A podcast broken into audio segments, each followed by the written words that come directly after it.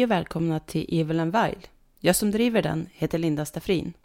Äntligen är jag igång med första avsnittet. Och som jag sa i pilotavsnittet så är ju det här en true crime-podd och alltså ingenting för den känsliga lyssnaren. För jag vill som sagt försöka hitta så onda och grymma fall jag bara kan.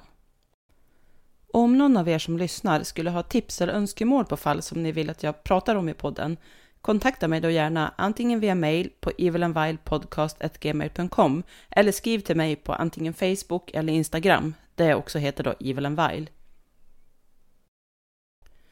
Jag vill härmed också passa på att ge ut en varning för dagens avsnitt som kommer att innehålla ganska detaljerade detaljer om eh, både mord och tortyr. Så som sagt, är ni känsliga så är det ingen podd för er. Men annars, stanna gärna kvar så kör vi igång.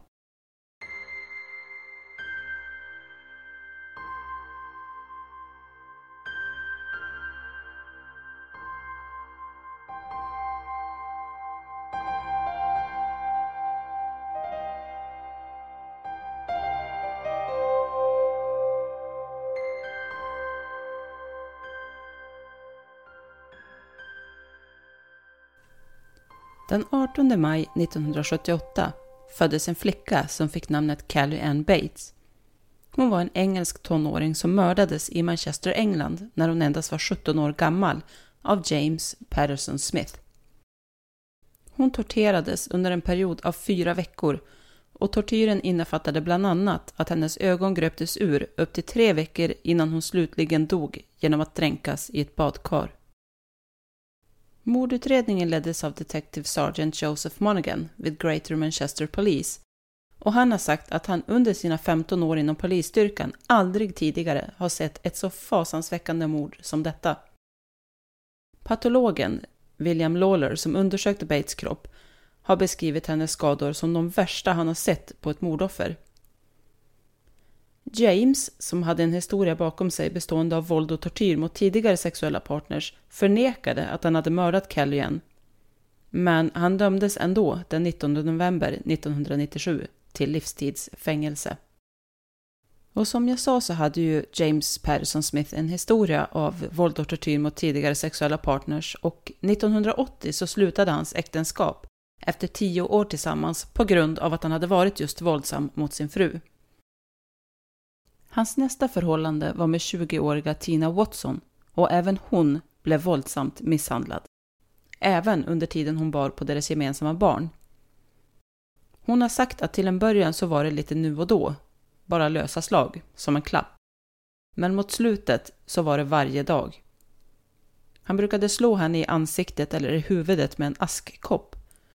Och han brukade även sparka henne på eller mellan benen. Tina lyckades dock fly efter att James hade försökt dränka henne i deras badkar. Det förhållandet sprack 1982 och efter det började James dejta 15-åriga Wendy Mottershed och även hon blev som ni säkert förstår misshandlad. Under en attack höll han hennes huvud under vatten i kökshon i ett försök att dränka henne.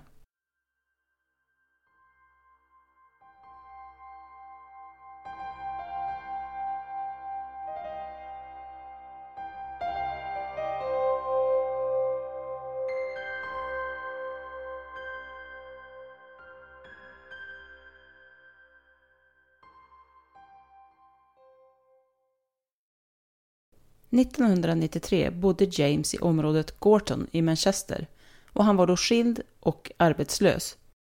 Han beskrevs som att han var noga med huset och att han såg proper ut. Han var nykterist och icke-rökare. Och vid den här tiden så började James även att grooma Kelly Bates. Och grooming det betyder ju att en vuxen tar kontakt med barn i sexuellt syfte. Det har funnits i alla tider, men med internet så har det blivit enklare för förövare att ta kontakt med barn via spel, kontaktsidor, chattar och sociala medier. År 1993 var Kelly Bates bara 14 år gammal. James hade då träffat henne tidigare, då Kellyanne hade suttit barnvakt åt några vänner till honom. Ungefär två år senare, när hon lämnade skolan, så flyttade Kellyanne in hos James på Furnival Road, Gorton. Hon berättade inte om åldersskillnaden mellan hon och James för sina föräldrar, Tommy och Margaret Bates. Men en dag då Margaret Bates kom hem efter att ha varit ute så stod hennes då 16-åriga dotter i köket och med sig hade Kellyanne James. Margaret blev ju chockad då hon insåg att James var i 40-årsåldern. Och såklart blir väl ingen människa glad över att se sin tonåriga dotter dejta en man som är så pass mycket äldre. Men för Margaret skulle det komma att gå så mycket längre än så.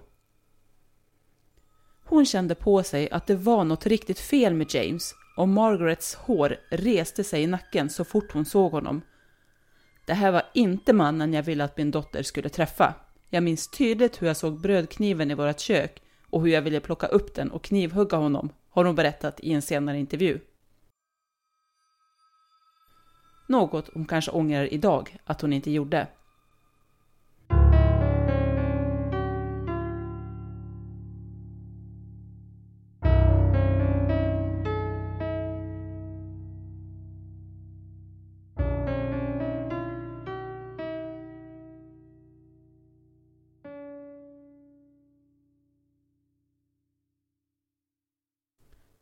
Kellyannes föräldrar ska ha försökt göra allt de kunde för att få Kellyanne ifrån James och vid ett tillfälle lämnade faktiskt Kellyanne James efter att de hade bråkat. Men i november 1995 flyttade hon tillbaks till honom igen. Hennes föräldrar var skeptiska till det här men gick med på det under villkoret att de skulle hålla regelbunden kontakt. Men under de nästkommande månaderna såg de hur deras annars utåtriktade dotter blev mer och mer tillbakadragen. Och när de åkte för att hälsa på Kellyanne såg de blåmärken på sin dotters armar. Men hon skyllde bara på att hon fått dem genom olyckshändelser. I december 1995 sa Kellyanne även upp sig från sitt deltidsjobb. Och i mars 1996 hade hennes föräldrar årsdag och en av dem fyllde även år. De ska då ha fått ett kort som ska ha varit från Kellyanne men det var faktiskt James som hade skrivit det, det kortet. När Kellyannes bror försökte hälsa på henne i huset på Furnival Road så hade James sagt att Kellyanne inte var hemma. Men när en oroad granne frågade efter henne så fick hon snabbt visa upp sig i ett fönster på övervåningen. Den 16 april 1996 ringde James till polisen och berättade att han hade råkat mörda sin flickvän det var en olyckshändelse, menade han. Kellyanne hade tagit sig ett bad och eh, de två hade börjat bråka. Hon hade då råkat få vatten i lungorna och dött. Trots att han påstod sig ha gjort flertalet återupplivningsförsök. Han påstod också att hon ofta spelade medvetslös. Men trots detta så åkte polisen ändå dit till James hus och när de kom dit så möttes de av en syn värre än någonting de hade kunnat föreställa sig. I ett av sovrummen hittade de Kelly Anns nakna kropp och hennes blod fanns runt om i hela huset. Och hon hade uppenbart blivit utsatt för dussintals hemska skador innan drunkningsolyckan. En senare undersökning av Kellyannes döda kropp visade på över 150 separata skador på hennes kropp och under den sista månaden i hennes liv hade hon hållits bunden. Ibland vid ett element eller i en stol där hon blev fastknuten i håret och ibland fastknuten med ett rep runt nacken. William Lawler, den här patologen som sa att de här skadorna var de värsta skadorna han sett på ett mordoffer, hittade följande skador på hennes kropp. Brännmärken på hennes stjärt och vänstra ben. Brännmärken på låret av ett strykjärn en bruten arm, multipla sticksår orsakade av knivar, gafflar och saxar, sticksår inne i munnen, krossskador på båda händer, stympning av öron, näsa, ögonbryn, mun, läppar och könsorgan, skador orsakad av en spade och en sekatör, båda ögonen urgröpta, stickskador i de tomma ögonhålorna och delvis skalpering. Patologen fastställde att hennes ögon hade gröpts ur inte mindre än fem dagar och inte mer än tre veckor före hennes död. Kellyanne hade svultit och tappat omkring 20 kilo och hade inte fått något vatten på flera dagar innan hon dog.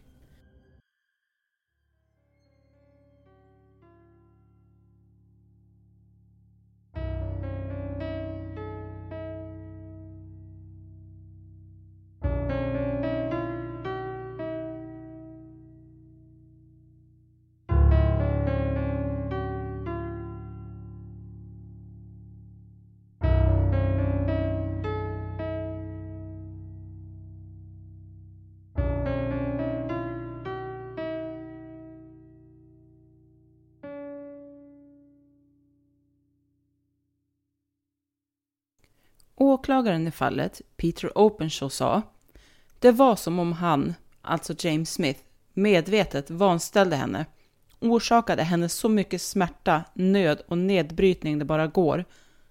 Skadorna var inte ett resultat av ett plötsligt raseriutbrott. De måste ha åsamkats under en lång tid och varit så omfattande och så fruktansvärda att den tilltalade måste ha medvetet och systematiskt torterat flickan. Dödsorsaken bedömdes vara drunkning och alldeles innan ska hon också ha blivit slagen i huvudet med ett duschmunstycke. James förnekade ju som sagt mordet och påstod att Callian hade skapat ett helvete för honom som hade gjort att han gick upp i varv. Han påstod också att Callian retade honom angående hans döda mor och att hon hade en vana av att skada sig själv för att få det att se värre ut för honom. När han fick frågan om varför han hade gröpt ur hennes ögon, stuckit och slagit henne, så sa han att hon hade utmanat honom att göra det, som ett slags vågspel, alltså utmanat honom i att skada henne. Gillian Misey, en psykiatriker, sa till rätten att James hade en allvarlig paranoid hjärnstörning med en sjuklig svartsjuka och att han levde i en förvrängd verklighet. En åklagare ska ha sagt att den fysiska smärtan som Kellyanne måste ha känt måste ha varit fruktansvärd och skapat ångest och lidande till den grad att hon mentalt bröts ner och kollapsade. Andra kvinnor som James hade misshandlat vittnade också i rätten för att måla upp en bild över en kvinnofientlig man som var tvångsmässigt svartsjuk och som använde våld för att kontrollera andra. Men James fortsatte ta på sig offerkoftan och måla upp sig själv som offret i historien. Juryn vid Manchester Crown Court tog bara en timme på sig för att finna James skyldig till mordet på Kellyanne. De dömde honom till livstidsfängelse och domaren, Mr Justice Sachs, rekommenderade att James skulle avtjäna minst 20 år i fängelse. Han sa Det här har varit ett fruktansvärt fall, en katalog över en människas fördärv över en annan.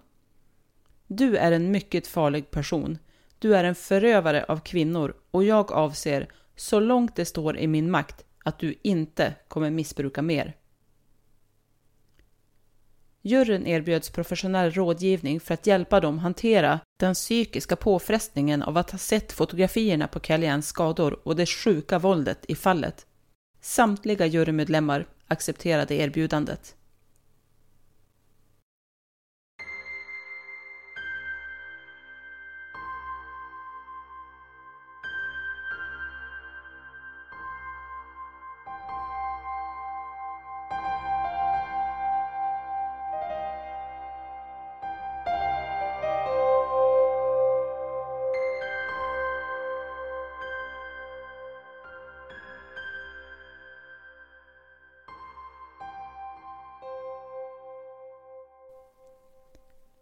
Och med det så sätter vi punkt för säsongens första avsnitt. Och ja, man kan väl inte annat än hålla med domaren i det han sa, att det här kan ju faktiskt inte ha varit någonting annat än ett medvetet, långdraget, fruktansvärt ont och grymt mord. Hur han kan dra på sig offerkoftan och tro sig komma undan med det, med tanke på de skador som Kellyanne hade, ja, det är för mig en gåta. Jag förstår inte hur man kan stympa en människa, krossa hennes händer, gröpa ur hennes ögon och så vidare och sen spela offer i det hela. Men det kan ju inte annat än spegla den allvarliga paranoida hjärnstörningen som psykiatrikern bedömde att James har. Och som tur är så sitter han ju faktiskt bakom lås och bom idag. Men James, ja, han är ju faktiskt bara en av många förövare som finns här i världen. Och nästa vecka så kommer jag att prata om tre förövare som tillsammans tog sig friheten att avsluta en ung kvinnas liv på ett fruktansvärt brutalt sätt. Det här fallet hände 2016 i Indonesien, där då tre unga män smög sig in i en intet ont anande sovande kvinnas sovrum och mördade henne med hjälp av en trädgårdshacka. Vill ni veta vem hon var och vad hon råkat ut för? Lyssna då nästa vecka igen. Jag hoppas att vi hörs då. Ha det bäst så länge. Hej då!